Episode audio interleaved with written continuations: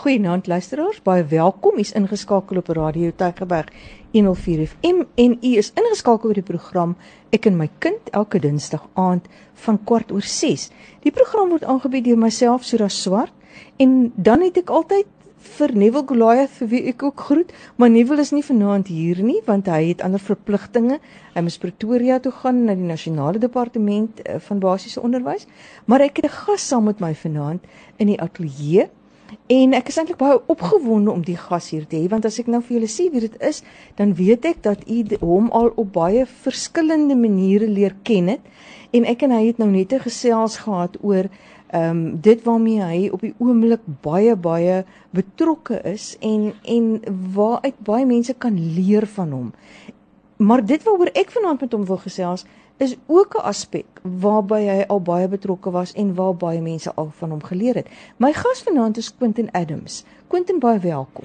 Goeienaand Sura en goeienaand uh, luisteraars en dit is baie goed om in die ateljee te wees en uh, ek dink ons kom al 'n baie lank pad aan. So ja, ons ons kom regtig al oor 'n baie lang tyd eh, kom ons met mekaar ken ons mekaar en het ons al saam met mekaar gewerk en kon ek ook al baie inligting en kennis van Quentin kry wat ek in praktyk uh, kon gaan toepas het. So dit is altyd vir my baie lekker uh, om om met hom 'n gesprek te voer omdat ek weet hy werk uit die praktyk uit.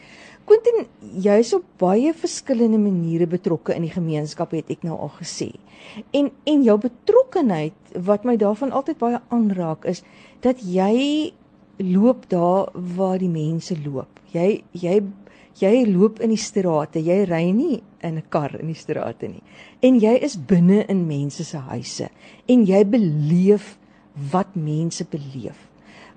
Wil ons net so bietjie wil jy vir ons vertel wat is dit wat jy beleef? Wat wat is die behoeftes van ons kinders en van ons ouers en van die mense in ons gemeenskap soos wat jy dit daar aantref? Ja baie dankie. Ehm um, ek is ook 'n akademikus. Uh, ek was vir jare voltyds by die universiteit of aan die universiteit van Stellenbosch uh, aan die departement van opvoedkundige sielkunde en nou is ek weer deeltyds weer terug. En iemand het nou die dag die opmerking gemaak, ek is nie 'n kantoor akademikus ja. nie. Ek is iemand wat uh in die straat uh beweeg en natuurlik om in gemeenskappe. Ek dink wat belangrik is is dat ehm um, ek het 'n baie lang ehm um, uh pad wat ek gestap het uh, om oplossings vir gemeenskappe te kry waar daar geweld is en waar daar bende aktiwiteite is.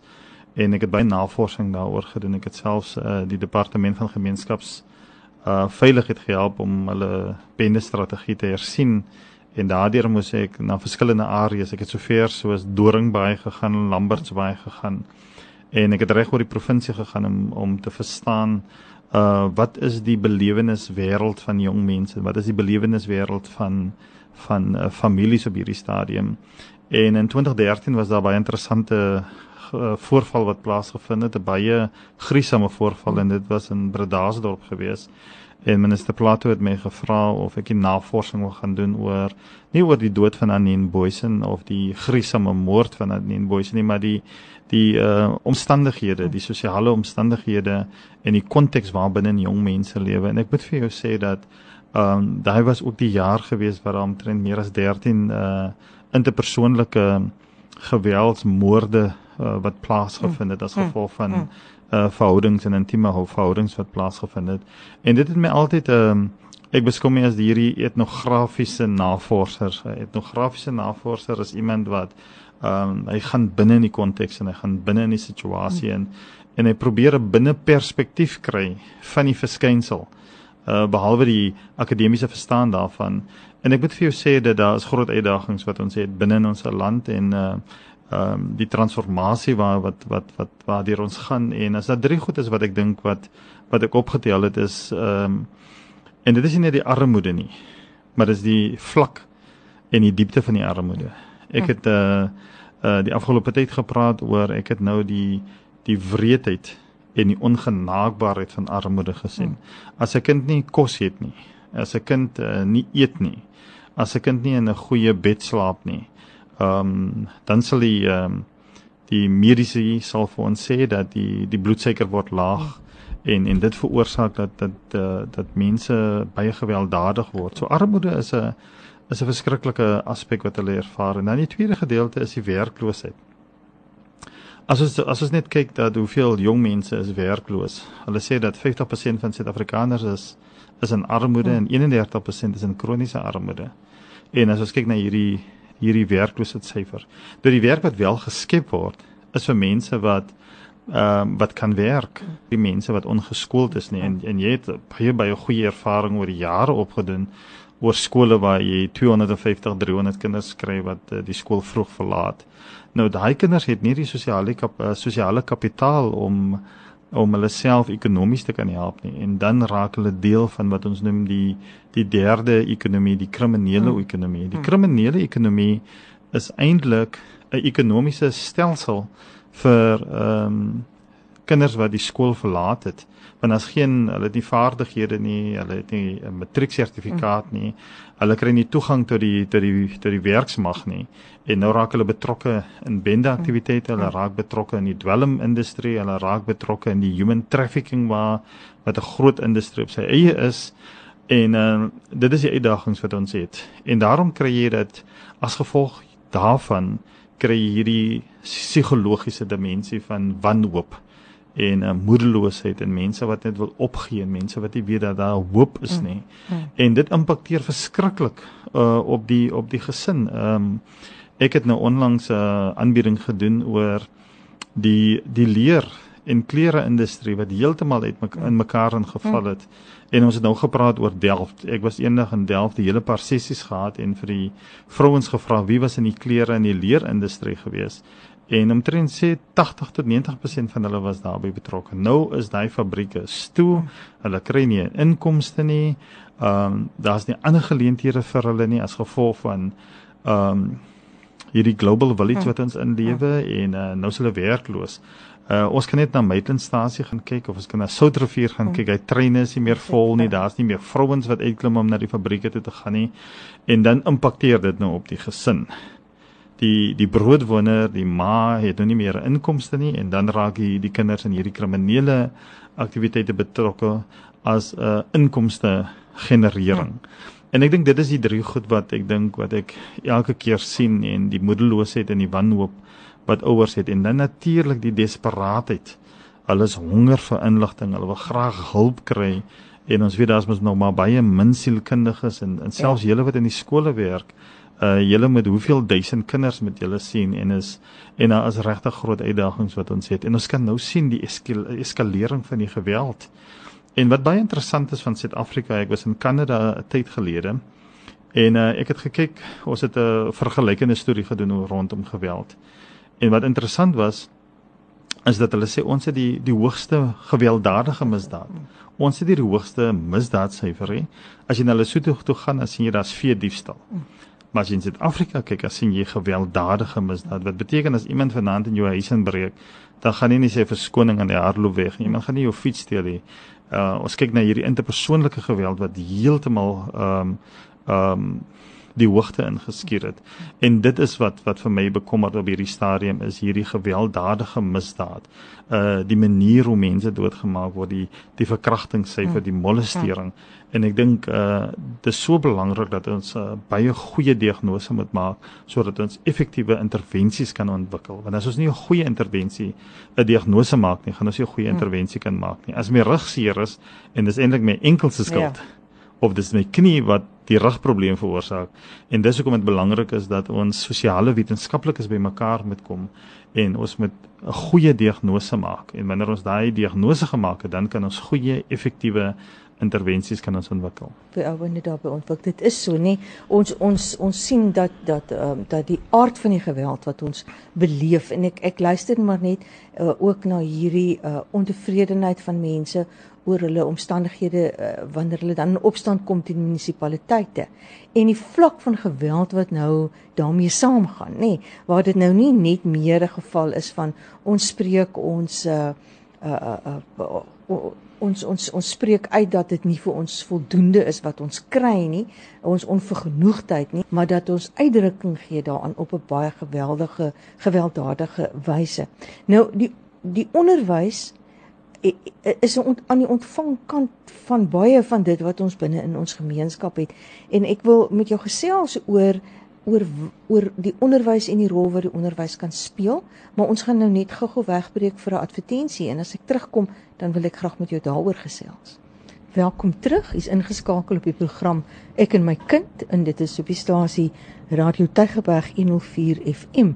Ons gesprek vanaand by Ek en my kind gaan oor ons gemeenskap en die problematiek en die nood binne in ons gemeenskap. Maar u onthou dat ons ook begin het met 'n met 'n gesprekvoering met die superintendent-generaal van die Wes-Kaap Onderwysdepartement en en sy visie dat ons waardes weer terug moet bring binne in ons klaskamers in.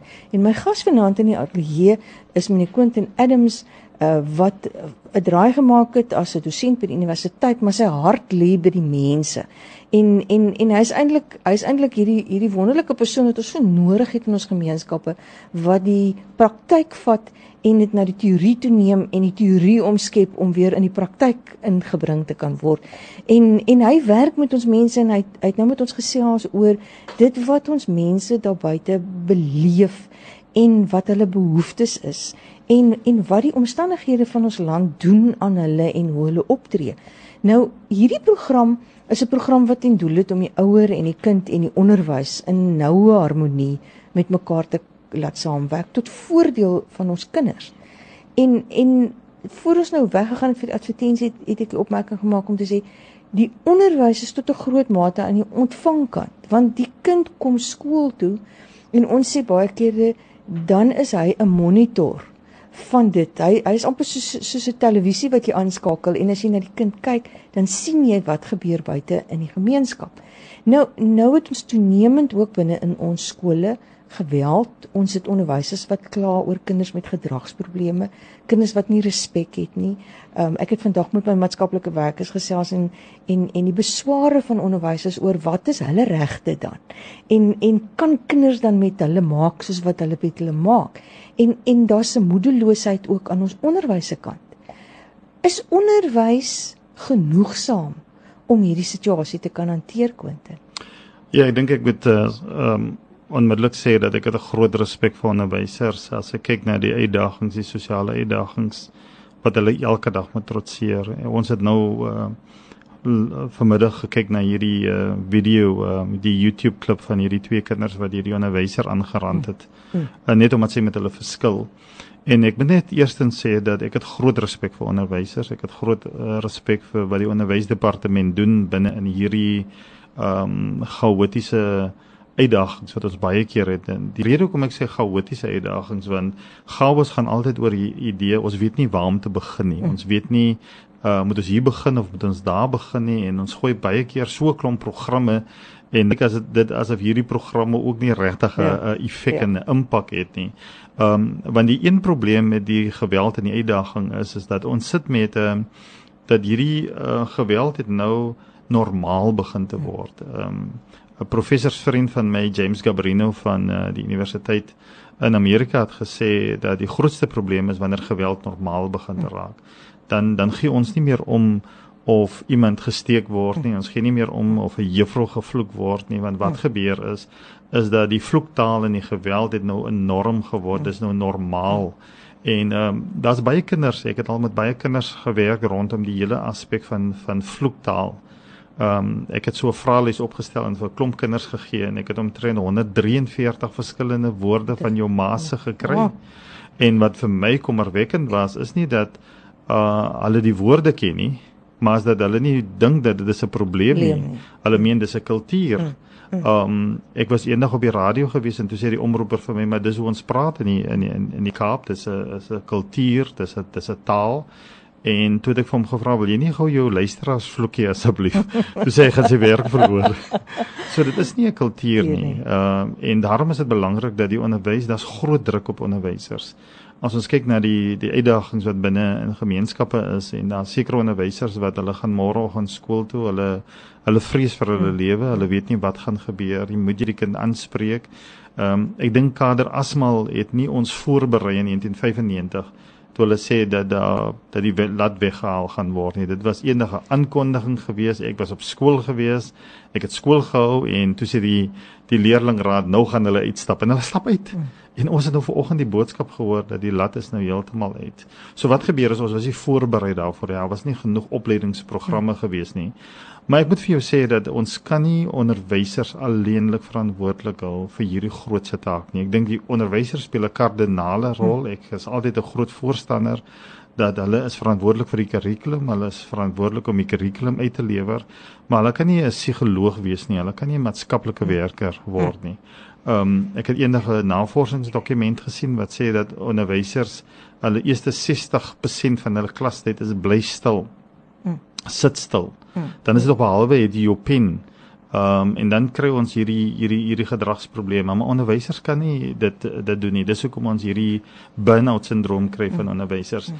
En daarom dink ek daar is 'n groot stelsel wat nog net nie geaktiveer is nie. En dit is die ouers.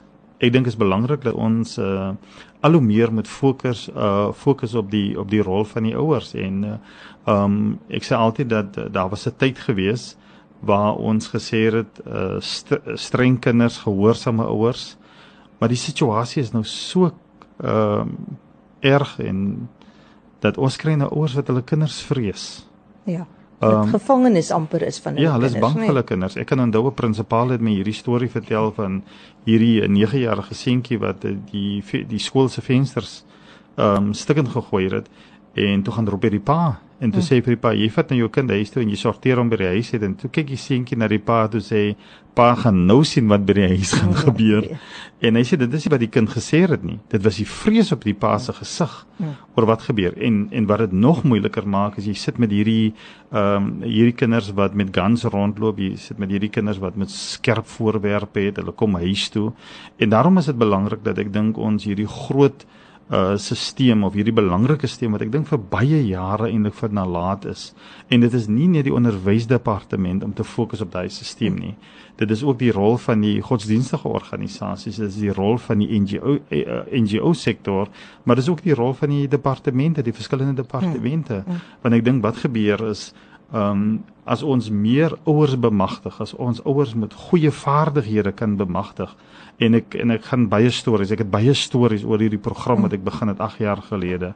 Uh nadat ons hulle bemagtig het, maar ek glo dat dit is hierdie groot stelsel wat ons meer moet op fokus en om seker te maak dat hulle die nodige vaardighede het om om rigting en leiding te gee. Want op hierdie stadium uh dink ek dat dat daar's groot uitdagings. Nou nou as jy dit sê as ons ouers moet begin bemagtig in binne watter raamwerk doen ons dit? Wat is dit wat ouers uh ten grondslag kan lê om goeie gedrag en dissipline by kinders te bewerkstellig om om dit om te keer wat ons nou op die oomblik hier sien? Kan ons teruggaan? Moet ons voorbegin? Kan ons in die middel begin? Waar waar, waar hoe hoe pak ons dit aan? Ja, ek dink uh, ek was in KwaZulu-Natal gewees in Umlazi en ek het daar 'n um, werkswinkel rondom dissipline begin by die huis met ouers gedoen. En uh, ek moet sê dit was in uh, in, die, in in in een van die ek dink hulle het sulke seksies uh, A seksie, B seksie en ek was in die Q seksie gewees. En uh, my navorsing het gesê dat die Q seksie was die area waar daar verskriklike geweld en hijackings was. Mm en hierdie populasie is meestal mense wat in plakkerskampe leef en dit was baie moeilik geweest want ek die mense verstaan net Zulu hulle verstaan nie Engels nie maar ek het 'n tolk gehad hm. en ek wil baie graag vir hulle hierdie een konsep rondom ouerskap oorbring en dit is dat ouers moet besef dat hulle is verantwoordelik vir die vir hulle kinders. Hm. Hulle is verantwoordelik vir hulle kinders se opleiding. Hulle is verantwoordelik om seker te maak dat hulle moet vra waar hulle kinders. Dis hierdie um verantwoordelikheidsin wat heeltemal geabdikeer is. Hulle hulle hulle stuur die die die kinders na die onderwys toe na die skool toe hmm. sodat die onderwysers hulle moet dissiplineer. Hmm. Die skool per se is nie 'n plek van dissiplinering nie, dis per se 'n plek van opleiding. Hmm. En daarom is dit belangrik en ek het dit verduidelik van van van hierdie boontjie, um hierdie saad wat jy plant. As jy saad plant, dan moet jy dit mos nat gooi. Jy moet hmm. dit agter kyk. Jy moet seker maak dat daar nie onkruid is nie. Jy moet bemesting gee. En ek moet vir jou sê dat daai mense was so opgewonde om te verstaan dat die saad moet na gekyk word. Hierdie bompie moet na gekyk word. Hierdie bom, bompie moet sommige kere gesnoei word. En ek dink vir my is dit die grootste paradigma. Dit is nie die die die tipe waardes wat ons moet oordra nie, maar dit gaan oor die verantwoordelikheid. Ek was 'n uh, ek het 'n navorsing stuk gedoen oor kindermoorde. En uh, ek wil nou nie bepaalde kindermoorde uithaal nie, maar wat vir my baie opvallend was van die trekke van die kindermoorde, is dat baie van die ouers het nie geweet waar sy kinders is nie.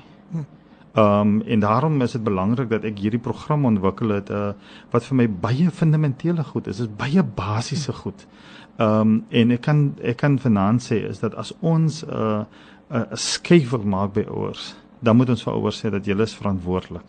Julle moet julle verantwoordelikheidsin met julle aanneem. Julle moet verantwoordelik wees om seker te maak die kind gaan skool toe. Julle moet verantwoordelik wees om die kind kos te gee. Julle moet verantwoordelik wees om te sien dat die kind binne in die huis ja. is. Ja. En daarom is dit belangrik dat ek dink as ons ouers daai boodskap kan gee dat hulle eerstens hulle verantwoordelikheid sin moet aan aan aan aanvaar, dan is dit al reeds 'n paradigma skuif. Want ek moet vir jou sê Sura en uh, luisteraars, ek sal nooit vergeet nie die gemeenskappe wat ek in beweeg het dan gaan ek saam met die neighborhood watches. Dan loop ek met hulle 11 uur in die aand. Dan lyk dit asof dit dag is, soos daai kinders nog 11 uur, hierdie jong meisiekinders wat met hulle met hulle nagklere in die straat uh, loop en dan vra ek, waar is die verantwoordelikheid van die ouers? Want wat gebeur as as 'n kind 11 uur loop, dan beteken dit daai kind is baie kwesbaar. Daai kind is kwesbaar vir verkrachtings, daai kind is kwesbaar vir ontvoerings. Daai kind want daar is net geen supervisie nie. En en en daai straat Ehm um, ek kan vir jou sê daar's ouers wat my al gebel het wat gesê het dat hulle strate is onveilig. Die kinders wat wat in hulle huise groot raak, hulle het bang geraak vir hulle kinders. Hulle kan nie meer in die aand loop in hulle in, in hulle huise nie. Wat vir my sê dat die ouers op een of ander stadium het hulle gevoel dis die onderwyser se verantwoordelik en ek dink dat ons met ouers terugroep dat hulle hulle verantwoordelikheid sin want as hulle hulle verantwoordelikheid sin begin te aanneem dan het ons al 50% die die die geveg gewen. En daarom dink ek dit is 'n groot paradigma skep. En ek sien um in die werkswinkels wat ek aangebied het uh afgelope 8 9 jaar dat wanneer hulle daai swaai gemaak het as hulle daai paradigma skep gemaak het dan kan jy sien dat daar begin 'n onmiddellike proses van orde word teruggebring daar word weer respek teruggebring en al hierdie fantastiese waardes maar hierdie fantastiese waardes wat ons wil deurvoer kan nie plaasvind as hulle nie hulle verantwoordelikheid sin en hulle verantwoordelikheid uh aanvaar. Ek ek dink ek en ek ek sê dit baie kere vir ouers ook dat ons het 'n wonderlik binne in ons grondwet die die regte van die kind, die handves van die regte van die kind ingebou, nê. Maar dis die ouers se verantwoordelikheid om toe te sien dat hierdie regte van die kind wel tot uitvoer gebring word. So so ons het aanvanklik dink ek in ons vorige wetgewing het ons baie gewerk met die regte van die ouer. Terwyl ons nou baie meer klem het op die verantwoordelikheid van die ouer. Dat die ouer eintlik dit weer moet terugneem wat sy of haar verantwoordelikheid is ten opsigte van ouerskap en dit wat ek moet insit rondom my kind en en my betrokkenheid met my kind en die verhouding wat ek het met my kind. Ja, ek het 'n mooi storie gehoor van hierdie kind wat uh, graad 5 was en hy het toe gegaan en gesê ouma, ek het nou ook my regte. As ouma vir my weer sê om skottelgoed skoon te maak, dan gaan ek vir ouma polisie toe vat. En die en die ouma was in vrees mm. geweest want die ouma het nie geweet wat wat is die die hierdie menseregte of hierdie ja. kinderregte wat hierdie ja. kinders het nie. So ek moet sê dat, dat met die bemagtiging van kinders met hulle kinderregte het daar 'n gaping het daar plaasgevind is dat ouers het begin terug staan en kinders ja. het nou rechte. hulle verstaan hulle regte maar alhoewel die kinders hulle verantwoordelikhede verstaan nie. Um en en daarom dink ek daar was 'n 'n um, 'n disconnect geweest. 'n disconnect geweest in ten opsigte van die bemagtiging van kinders oor hul kinderregte wat ek dink absoluut baie baie belangrik was, maar ouers het teruggestaan. Hulle het begin dat God se water oor God se akker begin te loop. En ek dink dis waar die foute is wat ons gemaak het. Ek het 'n program uh so 10 jaar gelede gedoen. Ouers het ook regte. En dit was interessant wat die ouers gesê het. Hulle het nie geweet hulle het regte nie. Hulle het geweet hulle het regte, maar hulle het begin te vergeet. En een oom bel in en hy vra vir my watter regte het ek? Ek sê oom, jy het 'n reg om lief te hê. Jy het 'n reg om om te gee. Jy het 'n reg om om voor, om te voorsien. Jy het 'n reg om nee te sê. Jy het 'n reg wanneer 'n wanneer 'n 27-jarige man jou 13-jarige dogter kom kuier, dan jy die reg om nee te sê. Mm. En ek moet vir jou sê dat baie van hierdie ouer ouers is onbemagtig omdat hulle nie die kennis het nie, hulle het ook nie die vaardighede hoe om effektiewe ouerskap ehm um, te kan laat plaasvind nie. En ek dink dit is waar ons 'n groei geleentheid is en dit is waar die geleentheid is wat ons baie werk kan doen. Want ek het baie baie suksese en baie baie interessante stories gesien waar ouers wanneer hulle bemagtig is, dan begin hulle met hierdie proses. En ek dink dit is waar ons ons aandag moet begin skenk. Wat, wat sou jy sê eh, moet nog ingebou word hier uh as elemente van opvoeding ouers se opvoeding van hulle kinders saam met daai verantwoordelikheid wat hulle aanvaar vir hulle kinders. Wat wat wat moet nog daarvan deel vorm? Ek het so sewe boustene het ek begin ehm um, ontwikkel en ek het dit ontwikkel as gevolg van my oor wat op die grond was. Ek het uh, na 'n gemeenskap toe gegaan en vir ouers gesê wat waarmee sukkel julle? Ehm um, en hulle het vir met hulle het met my gepraat en ek het so 'n fokus uh, onderhoud het ek gevoer en ek het die punte neergeskryf. Ek was geskok toe ek die punte neerskryf. Want die goed wat hulle begin sê dit vir my is basiese fundamentele goed wat hulle gesê het. Die eerste aspek wat hulle gesê het, um, ons gebruik ek het dit boustene gebruik, maar dit is 'n waarde ook. Is kommunikeer met jou kind. En en en en hoe kommunikeer jy met jou kind? Ja, skree en en vloek en skel. Uh nou daar's 'n verskil tussen skree en skel. Uh skree en skel en vloek is nie kommunikasie nie. Hmm. Dis katarsis, dis die hmm. dis die onlading van die ouers se frustrasie. Maar wat ook baie belangrik is, ons sal nie besef hoe hoe ernstig is hierdie vloektaal in ons gemeenskap nie. Hmm. Uh hoe kinders begin te vloek. Hulle sê dat die, die op die ouderdom van 3 leer 'n kind al 10 vloek vloekwoorde, op die ouderdom van 9 leer die kind al 60, op die ouderdom van 12 leer die kind al 100 ken die kind 150 vloekwoorde. Ja en ek het statistiek oor die die woorde. Maar die probleem was nie die navorsing oor die 143 verskillende vloekwoorde wat hulle gehad het nie, is die feit dat ek vir die kinders gevra het noem vir my positiewe woorde, positiewe sinne. En dit was totaal afwesig ja. geweest. Wat vir my sê dat eerstens die kinders weet nie hoe om te kommunikeer nie. Hulle weet nie wat om te kommunikeer nie en ek dink die ouers weet nie hoe om te hm. kommunikeer nie. Dan 'n tweede gedeelte is die hele aspek van respek. Nou ek weet respek is die ding waaroor alles gaan. Nou respek gaan oor waarde. As ek jou waarde besef. As ek nou jou motor sien wat die buite die radiostasie staan en ek gaan skrap sommer daar. Uh, jy gaan nie gelukkig wees nie want wat gebeur as jy betaal dis waarde. So ek praat baie oor respek, maar die derde een is reëls.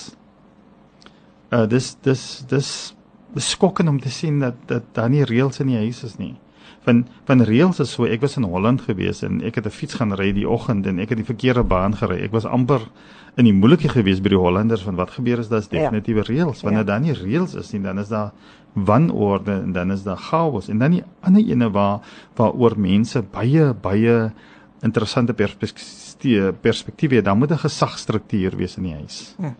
Iemand moet sê ja mm. en iemand moet sê nee. En dan 'n belangrike een wat ek altyd sê by die gesagsstruktuur is wie sluit die huis in die aand? Ek het 'n prinsipaal in in in Touwsrivier gehad. Nadat hy die werkswinkel gehoor het, het hy altyd vir die ouers gesê, ehm um, mevrou en meneer, voordat ons verder praat, gee my net 'n aanduiding van hoe laat maak jy die die huis toe? Wie die mm. sleutel? Mm. Wie die sleutel in die hand? Mm. En ek moet vir jou sê Sura en luisteraars, ons het ongelooflike stories gehoor van kinders wat laat in die nag kom. Ek het eendag het ek 'n sessie met matrikulante gedoen. Hulle het 40% of 45% gekry in die in hulle Junie maand in eksamen. Mm. En ek het gesê ek gaan nie studiemetodes doen nie. Ek gaan nie motivering doen nie. Hulle moet net vir my sê oor 'n naweek, hoe laat kom hulle in? Ek dink daar was seker net 7% wat voor 11 uur op 'n Saterdag aan by die huis is. Al die kinders Ehm um, want wat gebeur as daar's nie 'n gesagstruktuur nie. Dan die ander aspek is kinders moet weet wat is reg en kinders moet weet wat is verkeerd. verkeerd. Vrou slaan is verkeerd. Ek het eendag by 'n skool gekom te sien ek hoe hierdie ouetjie hierdie meisie se se se arm omdraai en ek vra hom hoekom en hy sê nee my hou van haar. Maar dit was nie dit wat hy gesê het nie. Uh, uh. Dis die feit dat sy gelag het. En en vir my is dit belangrik dat 'n kind op 'n baie vroeë stadium moet weet wat is reg en wat is verkeerd, want dit is waar moraliteit begin te kom. Jy kry nou hierdie moorde. Ek het eendag in die hof gaan sit van hierdie moorde wat pleeg, wat wat die manne pleeg. Uh, die ouens sit daar nie in die in die in die in die hof. Hulle erken nie skuld nie. Hulle weet eers dat hulle iets verkeerd gedoen het nie. En dan is daar aan die ene is dat kinders moet verantwoordelikhede hê. Daar seker verantwoordelikhede wat hulle moet hê. Hulle moet verantwoordelikheid neem om te leer, hulle moet verantwoordelikheid bin om seker te maak dat hulle seker basiese goed doen binne die huis en dan die laaste ene. En ek dink die laaste ene is vir my baie kommerwekkend is is die hele aspek dat ons 'n nuwe kurrikulum van omgee moet leer. Ons moet 'n nuwe kurrikulum van kompassie leer. Want wat gebeur as die afwesigheid van kompassie wat hierdie geweld So dit is die sewe boustene, maar wat vir my interessant is, hoor, as wanneer ek dit met die ouers gedeel het, ek doen baie keer 20 minute opleiding of 20 minute gesprek, dan identifiseer die ouers. Maar daar's die reëls in die huis. Hulle maak nie die die deur toe nie. Ehm um, hulle besef nie dat hierdie 14-jarige meisie gaan uit met 'n 27-jarige man nie. Hmm. En ehm um, en dit is hierdie fundamentele basiese goed wat ek dink wat baie belangrik is wat ons moet terugbring en ons moet ouers attent maak daarop van van hierdie sewe uh, boustene is ook diagnostiese uh, tools wat ons vir hulle gee. Hulle identifiseer waaraan moet hulle werk. Wat is die een wat hulle moet werk? En is baie baie interessant. Maar ek moet vir jou sê die ouers wat bemagtig is daardeur. Ouers wat deur die program gegaan het. Jy kan sien 'n ommekeer. Jy kan sien as 'n transformasie ehm um, wat plaasvind by die huis en ek het honderde honderde stories wat ek het hierdie program al in sewe provinsies geïmplementeer hmm. en meer as ehm um, 100 100 werkswinkels aangebied en die terugvoering wat mense vir jou gee is absoluut uh, belangrik dat hulle hulle sluit weer die huise deur, hulle vra weer waar die kind is, hulle vra met wie is daai kind bevriend, waarom is jy met daai kind hmm. bevriend en dit is deel van die boustene. Quentin, ons kan eintlik nog 'n hele aand gesels ja. en ek sien ons tyd is nou om, ons is al 'n bietjie oor ons tyd. Etienne hou net so 'n bietjie uit nog, ons gaan nou klaar wees. Ehm um, baie baie dankie. Baie dankie uh vir die passie wat jy het hiervoor en wat jy wat jy daar buite doen vir ons mense. Ek glo ons gaan nog weer terugkom. Ons gaan dalk weer so 'n bietjie jou arm draai vir, om van jou tyd gebruik te maak. Jy's 'n baie besige man en ons hoop ook om in ons programme wat nou hier opvolg aan aan seker van hierdie aspekte wat jy genoem het aandag te gee om vir ouers ook daai leiding te gee ja. uh oor hoe om dit te doen en daai vaardighede en en kennis wat jy nou van praat. As ons nou hier af is, dan gaan ek nou bietjie weer met jou gesels oor oor oor jou betrokkeheid en dan sal ons volgende week as ons terugkom ook weer vir die luisteraars nog ook inligting gee oor waar kan hulle met jou kontak maak en en en en tot watter mate kan jy ondersteuning en hulp gee vir ouers wat wat graag um, wil 'n verandering maak in hulle eie huise. Maar vereers vreeslik baie dankie vir vir vanaand. Baie baie dankie en mooi aand. Totsiens.